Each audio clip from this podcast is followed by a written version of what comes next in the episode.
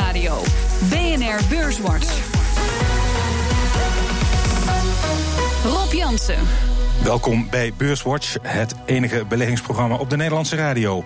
Met uh, vandaag uh, met Loege Schilder van Care Is en Najib Nakat van Hof Horneman Bankiers. Heren, welkom.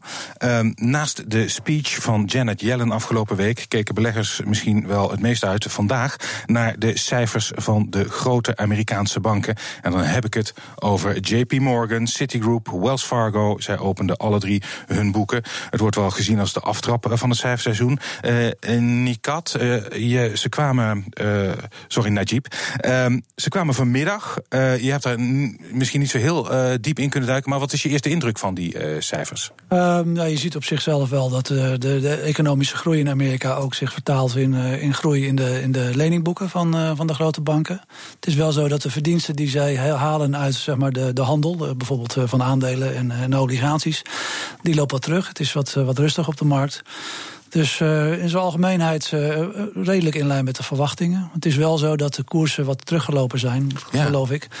Um, dat heeft ook te maken met het feit dat die koersen van die banken in Amerika behoorlijk zijn vooruitgelopen op de agenda van Donald Trump. Ja. En daar is op nou, tot op heden eigenlijk helemaal niets van terechtgekomen. Dus nee. de vraag is, uh, hoe lang blijft dat zo? Ja. Um, uh, Loeg, heb jij er nog een blik op kunnen werpen op die cijfers? Ja, ze, wat in ieder geval opviel was dat ze allemaal beter waren dan verwacht. En dat heeft ongetwijfeld ook te maken met de hogere rente, waardoor de banken toch een wat hogere spread kunnen maken. En goed voor het verdienmodel van banken. Ja. Nou, om half drie kwamen die inflatiecijfers die wat, wat negatief waren. Ja, dat zet dan weer een stukje druk op de rente en daarmee ja. ook op de koersen. Ja, um, ja wat mij opvalt is inderdaad, jij zei het al, Najib, aan de ene kant. Um, die handelsactiviteiten, aandelen, obligaties, ja, het is wat rustiger geworden uh, de afgelopen periode op die beurzen misschien. Uh, die lenenactiviteiten, die zijn wel goed. Aan de andere kant denk ik van ja. Er is een enorme uh, schuldenberg in de wereld. Uh, in Amerika wordt dus blijkbaar veel geleend. Ik, uh, vorige week las ik ook dat het merendeel van de Amerikanen ook leningen afsluit om te gaan reizen. Um, zit er ook niet een gevaar? zitten we niet op een nieuwe bubbel met die leningen? Uh, nou, ik denk verder van, eerlijk gezegd. Ja? Uh, het is wel zo dat in Amerika na de crisis is er behoorlijk uh, in de schulden gesneden. Mm -hmm. ook, ook, bij de particulieren. Um, waar je wel wat problemen ziet in de leningenmarkt zijn de studentenleningen en de autoleningen. Daar mm in de autoleningen is het met name hard gegaan. Mm. Maar dat is relatief klein in vergelijking met wat we tien jaar geleden hebben meegemaakt. Dus ja. ik denk dat het eerlijk gezegd wel meevalt. Er zijn wel wat hogere uh, afschrijvingen te verwachten, zeker vanuit de, vanuit de autosector. Ja. Um, maar dat is, ja, dat is op zich geen solvabiliteitsprobleem voor de, voor de, voor de banken. Ja. En uh, ja, de andere kant dus uh, de, de handelsactiviteiten, loegen, aandelen, obligaties, het ging een stuk minder. Uh, iets waar jij je zorgen om maakt, zeg je van nou, nou het is ja, tijdelijk. Ja, ik denk dat wel. We, we hebben hele lage volatiliteit op de beurzen gezien. Ja. Uh, maar ja, het uh, voornaamste punt is, de, de verwachtingen waren uh, al met winstgroei. En hm. die zijn nog eens een keer verslagen. Ja, ja, het is wel zo dat JP Morgan, um, uh, die, verwachten, die hadden hun uh, verwachting voor de rentemarge uh, voor, het, voor de rest van het jaar verlaagd. Dus die waren daar wel wat voorzichtiger over. Dat werd ook wel gezien als een van de redenen waarom het wat lauw werd ontvangen, de, de bankcijfers. maar ja, goed. De, de, er waren best wel wat verhogingen gepland uh, aan het begin van het jaar. Ja, ja. Uh, er is er nu nog eentje over. En uh, ja, de markt twijfelt misschien ook, omdat die inflatie toch iedere keer onder druk blijft staan, twijfelt de markt misschien wel of die renteverhoging echt wel door gaat komen. Ja. ja. ik zag inderdaad dat de kans op die derde renteverhoging, die aan het begin van het jaar de, de, wel de verwachting was, dat die ja. inmiddels minder dan uh, 50% is. Ja. En dat, dat zie je dus terug in de verwachtingen van de rentemarges van de banken. Ja, nou ja, uh, inderdaad. Uh we hebben het, uh, in feite zijn we aanbeland bij Janet Yellen inderdaad. Daar werd ook uh, naar uitgekeken. Haar speech voor het congres. Uh, inderdaad, worden haar woorden volgens mij wel geïnterpreteerd als ja, een volgende rentestap nemen we extra voorzichtig. Kijken naar wat de inflatie gaat doen, waarschijnlijk wel dit jaar nog. Um, alles bij elkaar neemt, wat vond je van haar speech, Najib? Um, nou ja, een hele realistische speech, denk ik. Uh, er werd al gesproken bij de vorige renteverhoging van de Fed of dat misschien niet een vergissing was al. -hmm. Uh, omdat de inflatie toch uh, laag blijft. Lager dan wat de, uh, de target is van, van de Fed. Daar, daarvan zegt Jellen dat dat deels te verklaren is door tijdelijke factoren, maar niet geheel. Mm -hmm. Het is nog steeds hun verwachting dat met de, met de arbeidsmarkt, die heel goed draait in Amerika, dat er wel prijsdruk gaat komen. Mm. Maar ze zien het nog niet voldoende. En dat gaf toch wel aanleiding voor de markt om te denken van nou, die derde renteverhoging, we vragen ons wel af of die nog gaat komen. Ja. En als die al komt, is het misschien december pas. Ja. Um, ja, het is een beetje. Het probleem voor centrale bankiers uh, is eigenlijk ja, die lage inflatie bij langdurige groei. Vat ik het zo goed samen, uh, Loegen? Zeker. Um, ja, en er zit denk ik nog één punt bij. Uh, tot nu toe hebben markten vrij uh, geschokt gereageerd op iedere aankondiging van tapering. Ja. Dus afbouw van stimuleringsmaatregelen. Ja. Dus uh, ja, uh, zeker in 2013 uh, vloog de markt toen omlaag. Um, dat heeft centraal. En, en we hebben nu zoveel geïnvesteerd in die markt. Ja, ze zullen daar heel voorzichtig mee omgaan. Om dat effect niet te niet te doen door te snel mm. onverwacht af te bouwen. Ja. Maar je ziet ook dat zeg maar, de lange termijn renteverwachtingen, of wat, wat zeg maar, de Fed ziet als een, de neutrale stand van de rente, dat, dat was vroeger 4,5% ongeveer. Ja. Dat staat nu op 3 bij ze. Ja. En de verwachting is dat ze dat misschien zelfs onder de drie zullen gaan laten zakken. En dat heeft gewoon te maken met de demografische veranderingen. Bijvoorbeeld ja. in, de, in de Amerikaanse economie. Kan er iets duidelijk over zijn? Want eh, demografische veranderingen. Ik zou namelijk zeggen, eh, die lage renteverwachting. Hè, of de economie heeft die lage rente nog steeds nodig. historisch gezien is die heel erg laag. Je bent eigenlijk gewend, en dan kijk ik iets verder terug, aan een wat hogere rente. Ik heb het idee dat die, die de, zowel de Amerikaanse als de Europese economie heeft zo lang die steun nodig uh, uh, van de centrale banken. Dat vind ik wel zorgelijk. Of maak ik me ten onrechte zorgen?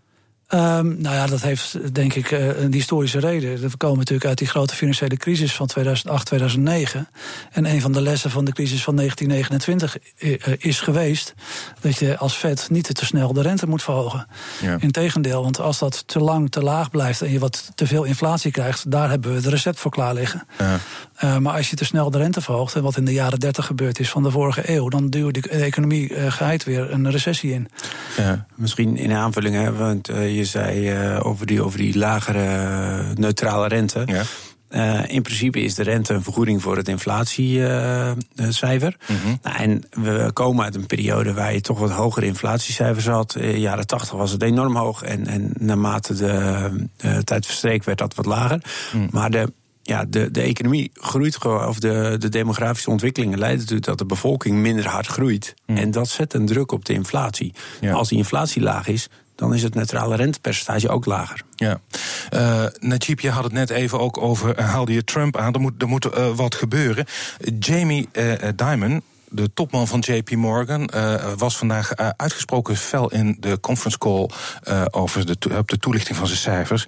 Hij zegt: I'm almost embarrassed to be an American traveling abroad. En hij nou, had het zelfs over stupid shit, zei hij, om zijn frustratie te uiten over het gebrek aan beleid van Trump. Kan jij daar iets bij voorstellen? Ja, de Jamie Dimon zit te wachten op hervormingen in, uh, in Amerika van, uh, van de uh, belasting, belastingen, van de investeringen in de infrastructuur. Allemaal dingen die hij in het buitenland wel ziet gebeuren, maar waar in Amerika weinig van terechtkomt. Hij zegt zelfs dat bijvoorbeeld dat er de afgelopen tien jaar in Amerika geen vliegveld gebouwd is, mm. om maar eens wat te noemen. Ja. die infrastructuur in Amerika, dat was ook een van de pijlers van, uh, van Trumps economische programma. Mm. En dat was ook een van de redenen dat de rente zo opgelopen is. Omdat men dacht van nou, de, de overheid gaat lenen en gaat investeren ja. in de economie. Met hogere rentes tot gevolg. Nou ja, dat is echt volledig naar de achtergrond verdwenen door alle, alle ruis rondom uh, de, de, de verkiezingsoverwinning van, van meneer Trump en, ja. de, de Russische invloed daarop. Ja. Uh, kortom, eigenlijk zal de, dit is dus eigenlijk meer een scenario waarbij we blijven voortmodderen, Loegen. Wat denk jij?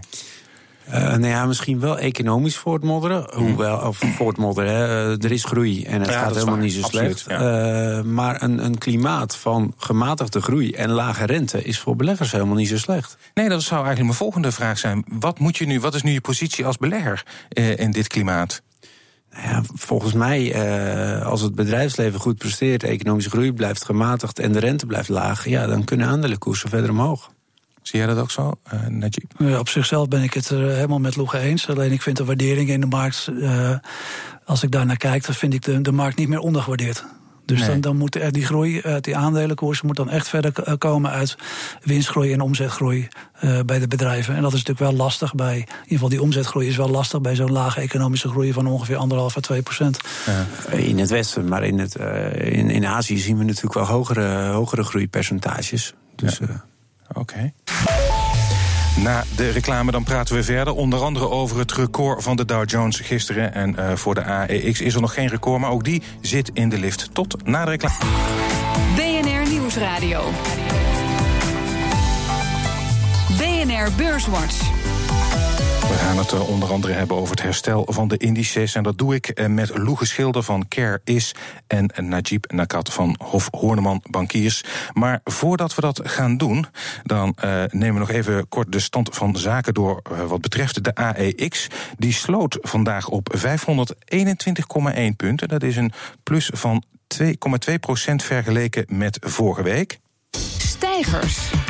Weekbasis eh, waren de drie grootste stijgers nummer 1 ArcelorMittal plus 9,3 procent. En ASML nummer 2 met een plus van 4,4 procent.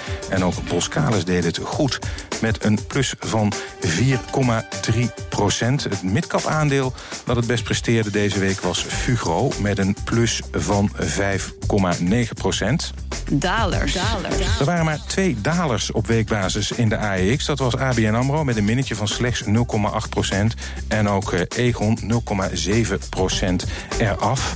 En in de midcap was eh, Refresco de grootste daler met een min van 4,5% En de AEX die is vier van de vijf handelsdagen hoger eh, gesloten. Ehm, Heren, dit is een, eh, op zich een, mooie eh, week eh, voor de AEX geworden. Ik beleg voor BNR ook, heb ik een portefeuille. Dat, in de rubriek Jansen belegt. Ehm, ik dacht er onlangs nog over om de portefeuille tegen koersdaling te beschermen. Bijvoorbeeld met een turbo. Maar nog voor ik uitgedokterd ben, gaan de koersen weer omhoog. Al twee weken op rij. Najib, had ik dit kunnen zien aankomen? Nee. Het is heel lastig om eh, op weekbasis eh, de, de, de beweging in de markt eh, te kunnen voorspellen. Wat er natuurlijk de afgelopen weken gebeurd is, of er vlak voor, is natuurlijk dat de ECB is begonnen zich voor te bereiden op ja, de- hoe gaan we in de toekomst de monetaire stimulering wat verminderen als de economie het niet meer nodig heeft.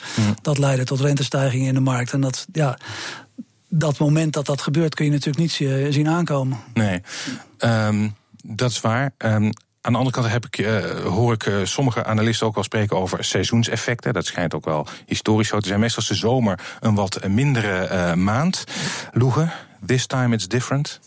Ja, dat is heel moeilijk om te zeggen. Kijk, wat we misschien een aanvulling op na- Najib net. eh, na de verkiezingswinst van Macron vloog het ook even hard omhoog. Ja. eh, Terwijl andere regio's eh, wat beter bleven liggen. Of Mm. wat, wat, wat stabieler bleven liggen. We hebben ook te maken gehad dat de euro natuurlijk sterk eh, steeg. Wat, eh, wat in principe voor de concurrentiepositie van Nederlandse bedrijven wat minder is. Mm. Ehm, maar eh, ja, wij zijn wel positief. Eh, en en ja, de, de, die, die cellen in mee, want daar heb je het Ja, dan over. ja. Ja. Eh, ik ben daar niet zo bang voor. Nee. Ehm, jij schreef trouwens in een column onlangs, zag ik op internet, over de aantrekkelijke prijs van Aziatische aandelen. Vind je dat een betere regio om te beleggen dan bijvoorbeeld Europa of Amerika? Nou, als je kijkt naar de waardering, eh, die. eh, kijk, dus, dus eh, we gaven net aan, op weekbasis is het Ja. moeilijk voorspellen. Maar ja, een goede voorspeller is de waardering. En Mm. eh, dan is de waardering van Aziatische aandelen echt een heel stuk lager dan, dan die van Europa en Amerika. Mm. Eh, dus, dus ja, qua waardering is Azië super interessant. De groei is er ook behoorlijk. Eh, maar ja, het risico is natuurlijk ook wel wat hoger. Met, Ja. Ja, eh, hoger risico, ja, inderdaad. Eh, hoe meer risico, eh, ja, dus dan zijn de rendementen ook het hoogst en de verlieskansen het grootst. Najib, jouw favoriete regio, zie je ook wel wat in Azië? Of hou je toch meer bij andere opkomende markten of toch het Veilige Westen? Ehm, nou ja, als je wat Loege zegt, dat klopt. Als je kijkt naar de, de, de waardering van beurzen, dan is bijvoorbeeld de beurs van China Hmm. eh, een van de goedkopere beurzen eh, wereldwijd. Dan, dan sluit ik even Rusland bijvoorbeeld uit. Dat is natuurlijk heel erg oliegerelateerd. Ja. Ehm, maar dat klopt inderdaad. Je hebt daar een hogere groei, lagere waarderingen. Hmm. Ehm, dat is op zichzelf een hele aantrekkelijke uh, combinatie. Ja. ja, en ik moet ook zeggen, aan het begin van het tweede deel, dan neem ik altijd even de AEX door. Uh, maar we hebben ook nog de midcap en de small cap uh, index. En die doet het ontzettend goed. Uh, want die is year to date bijvoorbeeld. de small cap index heb ik het dan over. 21% gestegen, Loegen. Is dat ook een index die jij volgt? Of zit je alleen maar nou, in de grote in de large caps? Uh, wij zitten zeker ook in small caps. Want in principe uh, zouden small caps een wat hoger rendement moeten geven. Ja. Uh, ze zijn ook wat risicovoller. Maar als je het voor een, een, beperkt stukje in de portefeuille opneemt, dan valt dat risico wel mee en profiteer je wel van het hogere rendement. Mm ik heb wel even naar gekeken en het is wel een Europees fenomeen dat die small caps het beter doen. Bijvoorbeeld in Amerika doen small caps het juist weer, uh, juist weer minder. Ja. En als we dan naar die waardering kijken, ja, dan, dan zijn ze qua, qua waardering niet heel veel goedkoper. Mm. Najib, small caps, uh, staan die bij jou op de radar? Jazeker, het is voor ons een uh, hele belangrijke uh, ja, deel van onze, van onze portefeuilles. Op de langere termijn heb je daar ook gewoon meer van te verwachten. Ja. Alleen wat Loege zegt, ze zijn iets risicovoller. Ja, ze hebben iets meer. Uh, ze bewegen iets meer mee met het wel en wee van de economie. Dus ja. nu de Europese economie dit jaar zo sterk blijkt te uh, presteren, dan zie je dus dat die small caps het dus heel goed doen. Ja. Maar de waarderingen zijn op dit moment niet van uh, die aard dat ik daar nou door aangetrokken word. Nee, ja, nou, ik, heb, het hier wel eens uh, vaker op deze plek over waarderingen. En uh, uh, door sommigen uh, genegeerde en door anderen weer bejubelde index is de Schiller PE. Die geeft de waardering aan van de, hoe duur de aandelen in de S&P 500 zijn. die staat op het twee na hoogste niveau in de geschiedenis. Um, dat zou dan en, de andere twee pieken die waren net voor de crash, bijvoorbeeld in 1929 en de internetbubbel. Kijk jij daar ook naar, Najib? Jazeker. Ja, we kijken op allerlei manieren naar, uh, naar winsten. Onze favoriete maatstaf is dat we inderdaad ook naar genormaliseerde winsten kijken. Naar het winstpotentieel van het bedrijfsleven. En dan kijken wat, wat de index daar. Uh, wat, wat de, de, waardering daarvan is. Mm. En inderdaad, het is gewoon vrij stevig, zeker in Amerika. Mm. Maar goed, uh, in, op die andere momenten was de rente veel hoger. Mm. dus die extreem lage rente die zorgt ervoor dat de waardering wat hoger mag zijn. Nou goed, mm. en ook uh, Schiller zelf zegt, uh, zegt er dan bij, ja, this time it's maybe different. Nou ja, inderdaad. Hij heeft, die, hij heeft die indicator inderdaad niet gemaakt om crisis te voorspellen. Hij wil gewoon een maatstaf om te bekijken of aandelen duur is. Dat is absoluut waar. En je noemde net de rente. dat is interessant, want een sterk rentegerelateerde sector is de vastgoedmarkt. En ja, ik lees weer wat meer enthousiastere berichten over de kantorenmarkt. Er ontstaat weer krapte op de Nederlandse kantorenmarkt. Uh, Loege, ben jij daar ook enthousiast over? Ja, wij, zijn, wij vinden, vonden die vastgoedsector te duur. Uh, dus, dus eigenlijk met het dalen van de rente is de, zijn de waarderingen van vastgoed gestegen. Um, en wij zien vastgoed niet meer als een aparte categorie, maar we beleggen het dan mee in de aandelenportefeuille voor het gewicht van de sector. Mm. Uh, en, en zolang de waardering op dit niveau is, gaan we dat niet veranderen. Mm. En Najib, hoe kijk jij tegen uh, de kantorensector en de vastgoedsector? De vastgoedsector in Nederland specifiek, is, uh, ja, die trekt natuurlijk wel stevig aan. Maar het is heel lastig om daarop in te spelen als belegger. Want er is eigenlijk maar één beursgenoteerd aandeel wat echt exposure heeft naar, eh, naar de Nederlandse kantorensector bijvoorbeeld. Dat is uh, Nieuwe Steen. Ja. Dat, uh, dat heeft volgens mij voor ongeveer 85% bestaat uit, uit, uit kantoren. Maar die zitten voornamelijk ook op secundaire locaties. En dat is toch weer een hele andere propositie ja. dan waar wij het hier nu over hebben. Over de krapte in de, in, de, in de vier grote steden. Dus als belegger is dat heel lastig op in te spelen, in ieder geval in Nederland. Ja. Ja, plus dat ik voor Janssen belegd ook een tracker op Europees uh, vastgoed. Daar zit onder andere Unibail Rodamco, weegt daar heel zwaar in. En op het moment dat de rente ging oplopen, uh, was dat van mijn drie categorieën obligaties, vastgoed en, uh, en aandelen de grote daler. Dus je moet daar ook heel erg goed op letten wat de rente gaat doen. Het is zeer rentegevoelig, zeker. Ja, ja en, en voor ons speelt dan nog een rol. Hè. De meeste van onze klanten die hebben ook een stuk onroerend goed. Of in het bedrijfspand of in de woning. Dus, dus dat is een extra reden om daar voorzichtig mee te zijn. Ja, um, ik wil uh, met jullie uh, naar uh, een bepaald beleggingsinstrument, namelijk binaire opties. Dat zijn opties, daar kan je op korte termijn eigenlijk ja, meer mee gokken dan beleggen. Um, bijvoorbeeld, wat is de stand uh, van de AEX over een uur? Uh, dus op extreem korte termijn zit je ernaast, dan ben je je inleg kwijt. Um, vooraf, want de AFM die heeft daar het nodige over te melden. Wat vinden jullie van dit soort opties? Is dit flauwekul? Of, wij, wij, stonden net voor de uitzending aan de koffie en toen zeiden we eigenlijk in, in koor: dit heeft niks met beleggen te maken, dit is gokken. Uh, ja, de, de, de, niet goed voor de sector als het als belegger wordt gezien. Want er kunnen ongelukken mee gebeuren. Ja, maar nou blijkt dat de AFM die wil daar uh, de reclame daarvoor zelfs verbieden. Maar juridisch hebben ze helemaal geen mogelijkheid om dit te verbieden. Zou dat niet toch mogelijk moeten zijn, uh, Najib? Ja, wat mij betreft wel. Dit is, uh, dit is echt een onzinproduct. Uh, ja. Dit, ja, als je overdag in het casino hier wat mee aan de slag wil, ja. ik bedoel, daar hoort het thuis. Uh, maar dat heeft echt helemaal niets maar echt helemaal niets met beleggen te maken, dit. Ja, um, nou dan gaan we terug naar echt beleggen. Namelijk, um, waar ik het ook met jullie over wil hebben. Dat is ook een ongoing story uh, uh, in uh, Beurswatch. En dat is natuurlijk Axo Nobel. Um, daar is een bod op geweest. Dat is afgewezen. de overnemer, die, de bieder PPG, heeft zich teruggetrokken. Maar inmiddels hebben de aandeelhouders van Axo... en dan met name de Amerikaanse aandeelhouders... die roeren zich eh, in die strijd. Elliott Advisors is inmiddels, heeft inmiddels een belang van 9,5% in Axo Nobel. Serieuze partij. Uh, die wil een gesprek, die stond deze week letterlijk voor een gesloten deur. Axo liet ze niet binnen. Vind jij dat verstandig van Axo, Najib? Nee, maar ik denk dat, dat je dat in een uh, wat breder moet trekken. Want we hebben natuurlijk de afgelopen periode in Nederland... het bij een, een tweetal andere bedrijven ook gezien. Hm. Uh, bij, bij Post en, en ook bij Unilever. Ja. En bij AXO en bij PT Post heeft de overheid zich ook actief mee bemoeid. Ja. Ehm, ik denk niet dat dat goed is voor, voor, voor het Nederlands bedrijfsleven. zeker niet voor de waardering van Nederlandse bedrijven op de beurs. Nee. kortom, de overheid moet zich er niet mee bemoeien. vind jij ook dat AXO gewoon had moeten praten met Elliot? Ja, ik denk, uh, je komt zo in een langslepend conflict. En, mm. en alle managementtijd en energie die hierheen gaat, gaat niet naar het ontwikkelen van het bedrijf. Ja. Dus uh, zo'n strijd is nooit goed. Uh, ja, en, en wat Najib zegt, die Dutch discount, die komt zo wel weer dichterbij. Ja, ja, dat is een beetje het probleem. Ja, de Dutch discount. Als, uh, ik heb het idee dat wij protectionistischer zijn dan andere landen. Nou, we blijven nog wel een stukje achter bij Frankrijk bijvoorbeeld hoor. Ja, of Italië. Dus een, des te zuidelijker je komt, uh, dan wordt het nog wel een stuk sterker.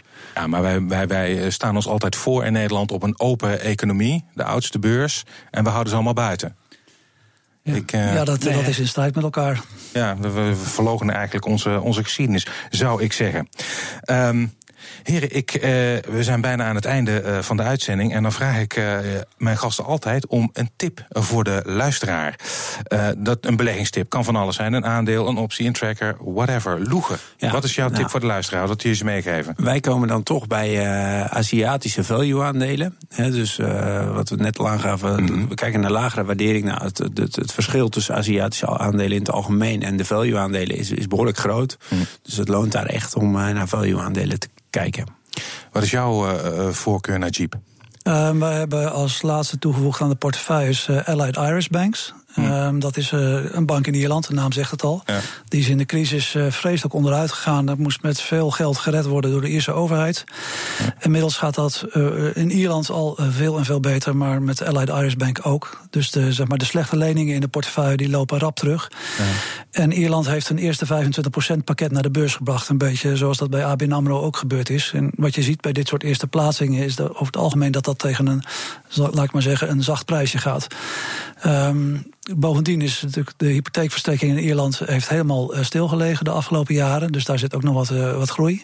Ja. In combinatie met het feit dat de bank echt sterk overgekapitaliseerd is volgens ons. Ja. Maakt het uh, voor ons een aantrekkelijke belegging. Ik moet zeggen, het is voor 4,40 naar de beurs gebracht. Het handelt al op 5 euro. Mm. Maar zelfs daar denken we dat er nog voldoende upside is. Mm. En nog even terug naar jou, uh, Lou. Je zei hè, value aandelen, Azië. Nou, als particuliere belegger, wat moet ik dan? Uh, de, de, de, nou, je kunt natuurlijk een tracker uh, kiezen. Uh, en anders een beleggingsfonds uh, die, die, die, die die stukken koopt. Ja, ja. Moet je zelf even goed oriënteren. Ja, ja, pas natuurlijk wel op wat je koopt. Hè, maar nou ja, diegene die, die het specifiek wil weten, die moet maar even een berichtje sturen. Die moet zich even bij jou melden. Um, Heren, we zijn aan het uh, einde gekomen eh, van uh, Beurswatch, van deze aflevering dus. ik dank jullie hartelijk. Loege Schilder van Care Is en Najib Nakat van Hof Horneman Bankiers. Volgende week is er natuurlijk weer een Beurswatch. Deze uitzending die kunt u naluisteren op de website van BNR of via de BNR-app. En heeft u nog vragen, dan kunt u een tweet sturen naar Rob of BNR. Dank voor het luisteren.